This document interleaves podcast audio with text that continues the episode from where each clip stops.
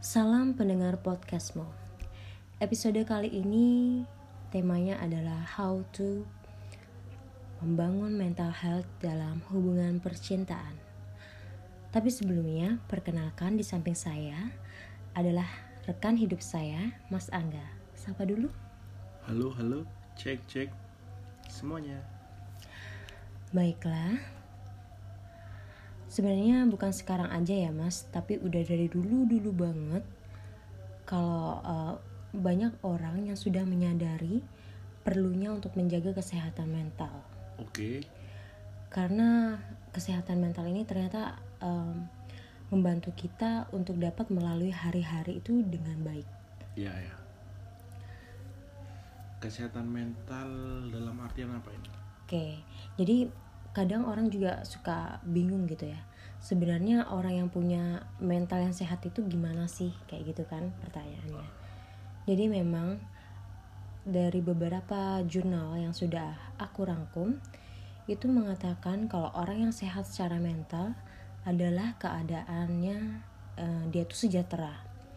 Di mana dia tuh mampu mengenali kemampuannya, mampu untuk mengatasi segala macam tekanan hidupnya, mampu tetap produktif dalam berbagai kondisi, dan terakhir, mampu berkontribusi dalam komunitas yang mereka tekuni. Oh, berarti ini kesehatan mental dalam percintaan gitu, dalam hubungan. Em, jadi kayak aku tuh kasih gambaran dulu kesehatan mental itu seperti apa sih? Kita nyamain persepsi dulu. Oke. Oke. Jadi itu tadi gambaran umum individu yang se- sehat secara mental. Idealnya dari beberapa penelitian yang sudah dicantumkan di jurnal-jurnal tertentu. Oke, seperti yang aku janjikan di awal tadi, kalau kita akan membahas mengenai bagaimana membangun mental yang sehat dalam sebuah hubungan ataupun percintaan. Nah, sebelum itu kira-kira nih, Mas Angga ada pengalaman gak sih dari hubungan yang Sehat. sangat eh, bukan hubungan sehat ya, tapi ternyata mental yang sehat di antara dua sejoli itu mempengaruhi bagaimana hubungan itu berjalan. Oh, oke oke. Eh, jadi ini ya, eh, hubungan yang nggak toksik gitu ya. Iya, Oh. Jadi ini ini menurut pendapat ya, menurut opini, eh, menurut opini saya hubungan yang nggak toksik. eh, jadi gini, eh, kita nggak berharap hubungan kita ini sempurna. Pasti ada sesuatu hubungan eh, kita berharap hubungan yang sempurna, tapi tidak semua hubungan yang kita bangun bersama pasangan itu akan menjadi sempurna 100%. Bener? benar-benar. benar. Jadi sebisa mungkin kita membuat atau menjalin hubungan dengan maksimalnya usaha kita. Gimana tuh mas? Contoh simpel gini, eh, ketika kita berpasangan, kita nggak mau pasangan kita itu menjadi pasangan yang toksik kan. Hmm, Tapi kita juga nggak mau pasangan kita ini menjadi pasangan yang pasif, benar nggak? benar banget. Nah di situ kalau saya pendapat saya yang paling penting adalah komunikasi. Eh, pendapat sharing-sharing tentang apalah itu kerjaan, entah itu sosial, entah itu keluarga, semua kepada pasangan. At least nggak 100% kan kita harus sharing-sharing. Kita juga bisa memendam Atau menseleksi gitu Ah, ya? menseleksi apa aja yang kita share ke pasangan nggak harus 100% nah tapi menurut saya ketika kita meluapkan sesuatu itu ke pasangan di situ ada kelegaan kita nggak harus kok menerima semua pendapat dari pasangan. Kita harus juga pinter-pinter seleksi yang dikatakan tadi dari pasangan. Karena apa? Kita nggak tahu bener atau salahnya dari pasangan itu kan? At least pasangan sudah memberikan saran kita hargai dong. Meskipun kita nggak lakuin tapi kita ucapkan terima kasih kepada pasangan itu sangat membantu pasangan kita oh ya eh, di sini juga saya mau sampaikan terima kasih tolong dan satu satu kalimat maaf itu sangat penting Iya, eh, tiga kata magic ya. ya terima kasih tolong maaf itu sangat penting Sudah dilakukan mas? usaha usaha melakukan kita akan berproses sama-sama Ya, oke, bener banget apa yang disampaikan sama Mas Angga. Meskipun uh, posisinya di sini Mas Angga itu adalah partner hidup saya saat ini, tapi kita juga berproses selama menjalin hubungan sebelumnya. Dan uh, menyadari bahwa ternyata kita tuh nggak lepas dari yang namanya toxic relationship. Dan kita akan baru menyadari saat kita benar-benar sudah terlepas dari hubungan tersebut. Ya kalau dikatakan sebenarnya terlambat seperti itu ya, ya. kalau diomong pernah nggak punya toxic relationship? Pernah semua pernah, orang pasti, pasti punya. pernah gitu. Tapi sebagai manusia kita harus bisa melangkah ya. Hmm. kita sudah pernah nih uh, dapat toxic relationship. Kita jangan sampai mengulang kembali kesalahan yang sama. Karena apa? Ketika kita mengulang kesalahan yang sama terus prosesnya itu seperti apa sih? Oke, jadi ini kita jadi membahasnya toxic relationship. Sebenarnya toxic relationship ini memang output dari salah satu dari mental ini. Ya, the, uh, maksudnya ketika dua orang yang berpasangan ini tidak memiliki atau kurang bisa menjaga kestabilan mental mereka, akhirnya hubungan mereka menjadi toxic relationship. Jadi perlu aku tegaskan lagi, ketika kita tidak bisa menjaga kestabilan emosi kita, bagaimana kita mengelola uh, kecemasan, emosi, kemudian um, suasana hati jadinya yang ada dalam hubungan itu uh, hubungannya yang toksik oh ya oh ya uh, juga ini saya pribadi saya uh, mencari pasangan itu bukan sebagai lawan bicara sih tapi kepada lebih kepada teman bicara. Karena apa? Pribadi lawan bicara itu ketika kita bicara lawan pasti ada yang menang dan kalah. Tapi kalau kita teman bicara jadi kita mencari solusinya. Hmm. bener nggak? Bener banget. Um, kalau misalnya aku bertanya nih mas pernah ada nggak sih pengalaman toxic relationship tadi udah dijawab? Pernah, pernah. bisa diceritakan nggak sih kalau boleh di sharing itu yang bagaimana sih yang bener-bener gila nih toxic, toxic. banget ternyata gue dulu. Uh, ini kayak posesif. Posesif bagi saya pribadi itu toksik saya sebagai pria kan pengennya bukan leluasa ya tapi diberikan kepercayaan diberikan kepercayaan sama pasangan mantan lah. Diberikan kepercayaan kepada mantan. Bukan mencari aku nggak seneng sih diperhatiin. Bukan seperti itu. Tapi saya lebih menghargai pasangan itu lebih percaya. Aku nggak nakal.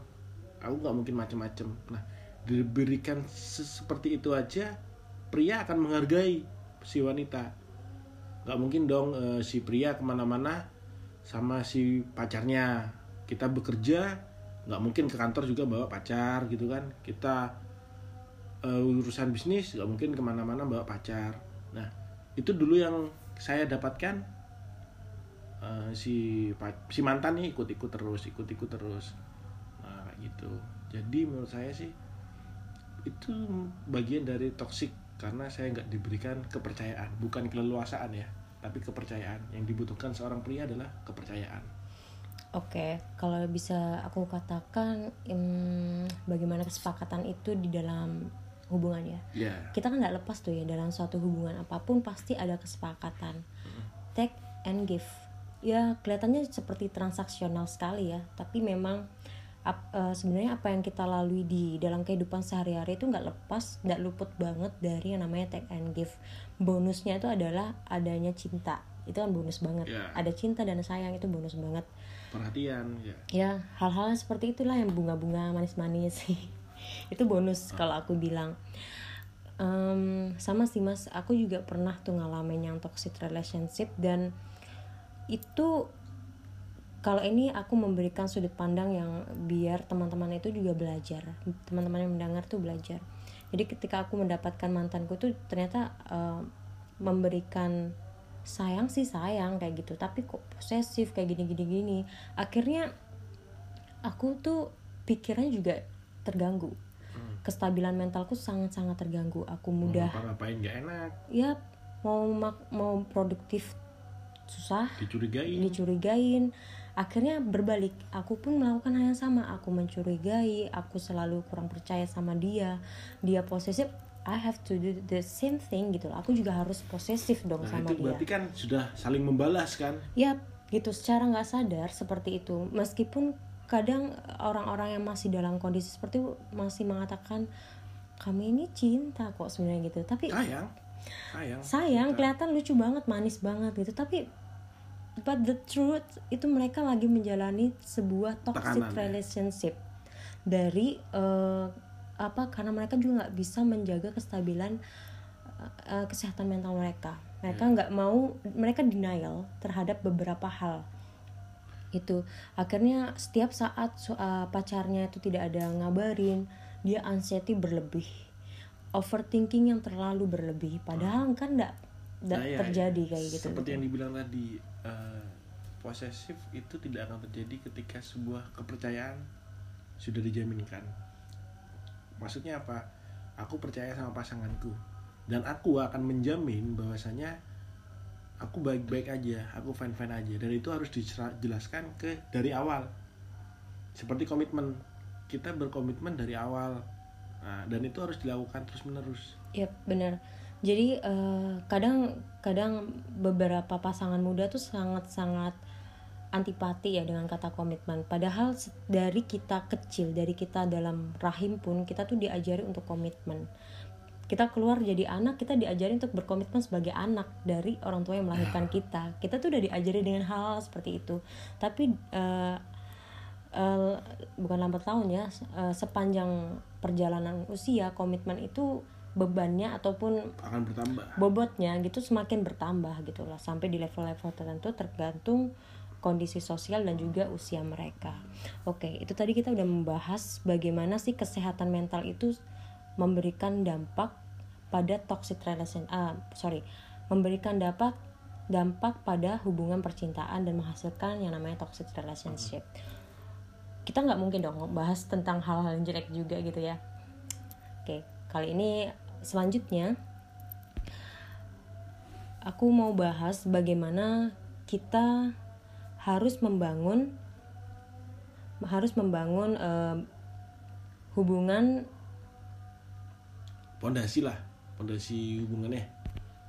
Hmm, bukan sih. Setelah kita, setelah Mas tadi itu pernah mengalami toxic relationship pasti kan ada proses. Mm.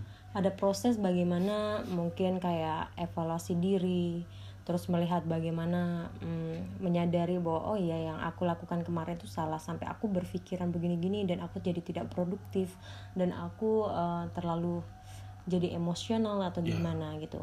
Setelah lepas dari hubungan yang toxic itu apa yang mas lakukan pada saat itu? Jadi ketika kita terjebak dalam hubungan yang toksik pertama kita harus mengevaluasi diri kita sebagai manusia nggak lepas dari kesalahan pribadi human error. Human error nggak cuma di pabrik atau di lingkungan kerja tapi di kehidupan kita pun kenapa kok bisa ada hubungan yang toksik nih di hubungan kita? Nah berarti kan kita yang tidak bisa menyeleksi atau orang lain yang mengintervensi. Contoh nih ya ketika kita berpacaran pasti ada namanya lingkungan sosial. Entah itu keluarga entah itu teman dekat yang masuk dalam hubungan kita. Ini nih contoh nih ya contoh nih. Eh, si A nih pacaran sama si B. Nah terus temennya si C nih. Temennya si C loh kemarin lo aku habis lihat si A jalan sama si D. Ya itu toxic sosial nah itu itu sangat mempengaruhi kan? Benar-benar Nah, jadi setidaknya sesama pasangan harus percaya dulu deh sama pasangan kalian tuh. Percaya. Terus saling berkomunikasi, bukan saling berkomunikasi ini kalian mengkekang ya. Hmm. Tidak berikan mereka keleluasaan, berikan mereka eh, kreativitas, berikan mereka ruang. Tapi kalian harus tahu batasan-batasannya dan kalian harus pahami sedewasa apa sih kalian dalam berpasangan.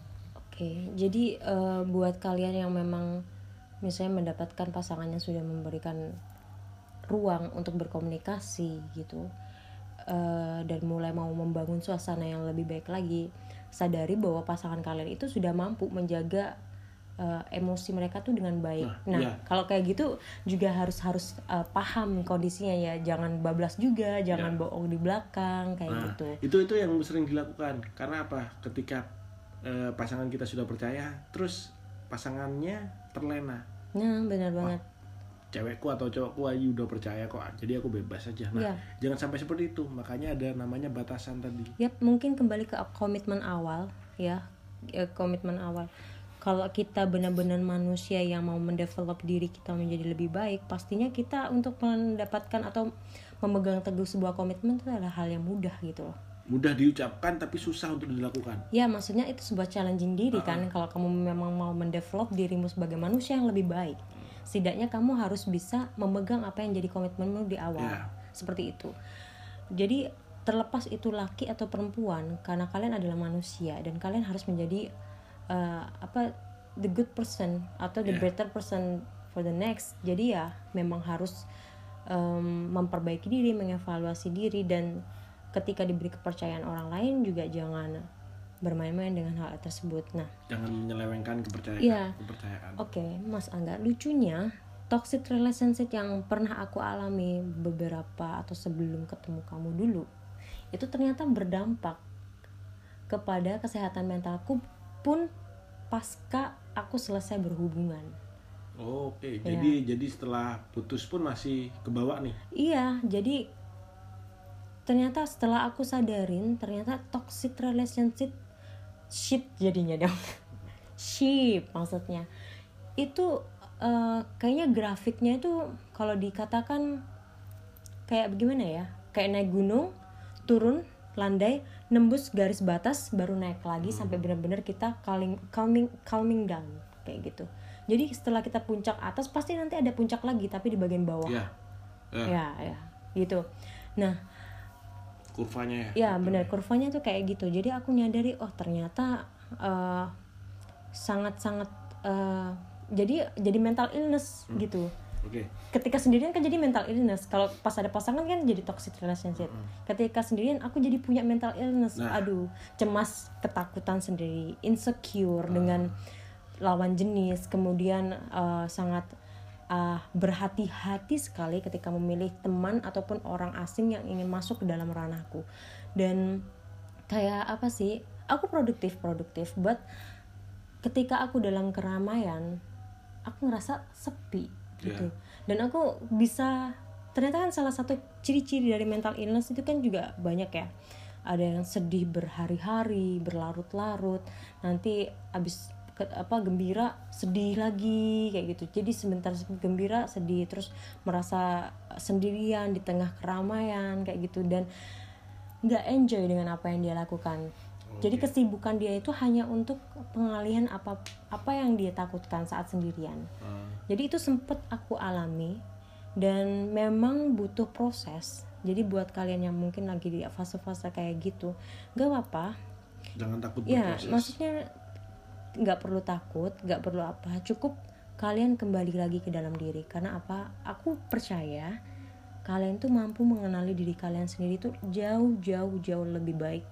Ketika kalian memang merasa pengen bersedih hati ataupun menangis menangis aja. Kalian nggak perlu jadi orang yang sok kuat.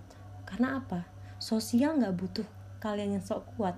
Sosial nggak butuh atau nggak pengen tahu seberapa sakit kalian melewati sesuatu. Kejem sosial. Iya ya kayak gitu. Mereka cuma pengen ketika kamu datang dulu kan mereka nyambung. Udah. Gitu. Itu sosial Se- sebenarnya. Even itu adalah sahabat karib kamu. Jadi ketika kamu uh, uh, ingin melepaskan mental illnessmu ataupun emosi-emosi negatifmu itu nggak apa-apa. Asal tidak menyakiti diri sendiri. Karena setelah itu kamu akan lebih calming calming down ketika emosi-emosi itu terlepas kamu akan jauh lebih berpikir dengan jernih.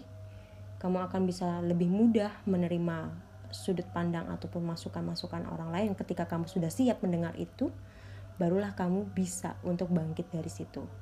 Dan kita kayaknya pernah mengalami hal yang sama kan? Bukankah kita awal-awal itu sempat sempat membangun blok gitu ya? Blok yang tinggi. Jadi aku sama emas ini Flashback sedikit. flashback sedikit ya kalau dibilang klarifikasi nggak juga sih. Cuman a- asal mula ketemunya kita tuh sampai ada yang mengistilahkan kedua luka yang saling dipertemukan. Ya jadi kita itu bahasa bahasa kerennya segitu tapi sebenarnya dua orang mental illness yang saling ketemu. kita ketemu itu seperti sama-sama ada iya ada. pola pikir yang berbeda. Dan itu sangat sangat berbeda dan kita pun punya problem masalah yang masih ke bawah ya masih ke bawah. Dan belum selesai. Nah Dewi itu susah dengan masa lalunya saya pun susah dengan masa lalu saya. Tapi di situ entah kenapa kita bisa saling terbuka. Karena kalau menurut saya oke saya punya masalah di belakang tapi itu adalah buku di halaman lalu yang saya lakukan adalah saya ingin mencoba kembali membaca di buku halaman selanjutnya. Halaman belakang itu memang perlu. Halaman belakang itu memang perlu untuk kita mawas diri agar tidak terjadi lagi. Tapi bab selanjutnya dari buku itu yang membuat kita semakin kuat itu nggak mungkin kita hanya berkaca dari masa lalu tapi gimana pun besok itu akan terjadi dan kemarin nggak akan terulang. Ya itu yang untuk versi dari mas ya. Kalau dari versi aku ketika aku berada atau setelah aku selesai gini setelah aku selesai selesai melalui itu semua ternyata aku menyadari oh ternyata aku tuh mental illness kayak gitu. Oh oke. Ntar dulu. Terus eh, ini enggak eh, satu lagi untuk yang pendengar jangan jangan selalu mendiagnosa sesuatu itu atas diagnosa dirinya sendiri atau self diagnose entah itu kalian baca dari Google atau jurnal sekalipun jangan pernah menyimpulkan kalau kalian itu terkena suatu kepanikan. Kalian tidak berhak mendiagnosa diri kalian sendiri. Yang kalian berhak adalah membagikan saran positif kepada orang yang meminta saran atau curhat Iya bener banget. Jadi even ketika di luar sana kalian ketemu sarjana psikologi itu masih SPSI dia belum bisa memiliki kemampuan dan hak untuk mendiagnosa seseorang. Jadi dia harus mengambil dulu jenjang yang lebih tinggi profesi sampai pegang gelar psikolog barulah dia itu melak- Iya. boleh melakukan pendiagnosaan. Itu pun orang dengan kompetensi profesional seperti itu nggak bisa ngeliat seorang seseorang sekali langsung mendiagnosa. Meskipun bisa, dia harus tetap melakukan asesmen dulu Nah. kayak pemeriksaan dulu lebih lanjut baru benar-benar keluarlah diagnosa apalagi apalagi masyarakat masyarakat sekarang ini dipermudah sama teknologi ya Yap. dikit-dikit googling apa sih introvert introvert introvert Iya, iya, oke. sehingga eh, tahun 2020 ini zamannya introvert nggak semua yang kalian lihat di googling terus kalian mendeskripsikan diri kalian sendiri dari Google itu benar Oke, jadi kembali lagi ke yang tadi yang aku bahas. tadi yang aku mau bahas tadi itu kan eh, ketika aku menyadari ternyata aku punya mental illness. Oke, mental illness yang aku miliki saat itu memang belum parah ya. Kalau memang parah, aduh, mungkin aku sudah say goodbye nih sama dunia gitu lah ya. Tapi memang sangat-sangat terbantu dengan aku kuliah di psikologi. Jadi aku mulai sedikit aware, oh ternyata ini salah.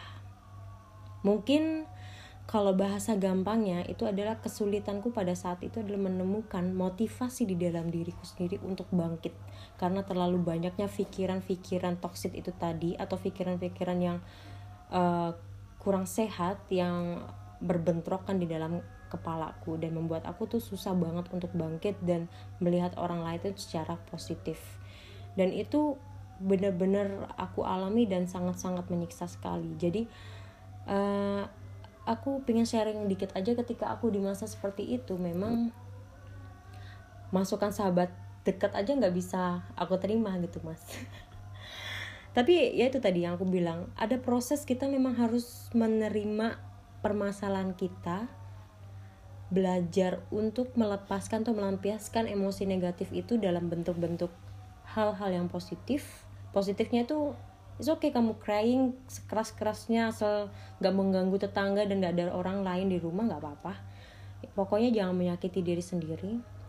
Terus em, kamu bisa mendekatkan diri kepada Tuhan. Ya ini memang nggak sebagian orang ya fake atau gimana ya terserah ya tergantung pada keyakinan kalian masing-masing. Tapi itu cara yang aku lalui dan aku bisa calling dan sebenarnya itu kayak sebuah kegiatan kegiatan religius hanya untuk membantu kita lebih tenang sebenarnya kalau memang dibahasakan secara logisnya kayak gitu. Baru setelah itu kita harus memaafkan. Itu poin banget Kenapa ketika kamu bisa memaafkan segala permasalahan, segala kesakitanmu di masa lalu, mental illness yang kamu uh, miliki perlahan-lahan juga akan hilang. Mental illness itu kan kayak rasa uh, panik, kecemasan, kecemasan bisa dari kayak amarah yang menggebu-gebu ataupun dendam dan bagaimana dan itu berdampak atau menghasilkan output-output tertentu yang gak baik lah tentunya dan mengganggu kamu untuk melakukan aktivitas sehari-hari. Itu memang butuh proses. Nggak semua orang tuh bisa melakukan deg-deg secara cepat. Nggak. Jadi ketika kalian merasa oh kayaknya aku belum sembuh-sembuh ya? Kok aku kayaknya belum belum bagus atau belum lebih baik lagi? Nggak apa-apa. Memang itu proses kayak gitu. Gitu mas. Hmm, yeah. um, ada tambahan lagi? Kesimpulan sih mungkin ya. Karena kita ngobrol dari tadi harus ada konklusinya. Oke. Okay. Jadi kesimpulannya menurut uh, saya nih. Uh -uh. Kalau menurut saya berpikirlah positif karena vibe forward positif dapat memberikan produktivitas yang positif. Uh -uh. Meskipun orang sekitar kalian nggak mendukung, yang kali, otak kalian milik kalian, pikiran milik kalian, tubuh-tubuh milik kalian, tetap berpikir positif sih kalau saya. Oke itu yang dari Mas Angga. Kalau yang dari aku untuk menciptakan atau membangun mental health dalam hubungan percintaan terutama itu adalah memang komunikasi. Komunikasi yang seperti apa? Setiap orang itu kan punya love language yang berbeda-beda, bahasa cinta yang berbeda-beda. Nah, kalian tuh harus mampu menemukan kira-kira bahasa cinta yang tepat kalian sampaikan untuk pasangan kalian itu yang seperti apa kan gak mungkin orangnya yang dari Solo kalian sentak-sentak. Gitu nggak mungkin. Tengkar nantinya bro. Kayak gitu. Terus kedua jangan pernah melakukan self diagnose apa pun yang kalian cari di uh, apa browsing ataupun apa tentang penyakit-penyakit psikologis itu hanyalah bacaan kalian saja. Untuk cukup aware dan uh, jangan sampai seperti itu. Tapi kalau kalian mulai merasakan kayaknya ada mental illness dan mengganggu kalian sampai insomnia dan lain-lain kalian bisa pergi ke psikolog atau ke psikiater. Oke uh, sekian untuk podcast kali ini. Semoga apa yang kami sampaikan dapat bermanfaat dan dari pengalaman kami, kalian juga dapat belajar sesuatu yang bermakna untuk kehidupan kalian sehari-hari. Terima kasih Mas Angga udah gabung di podcast aku dan sampai jumpa.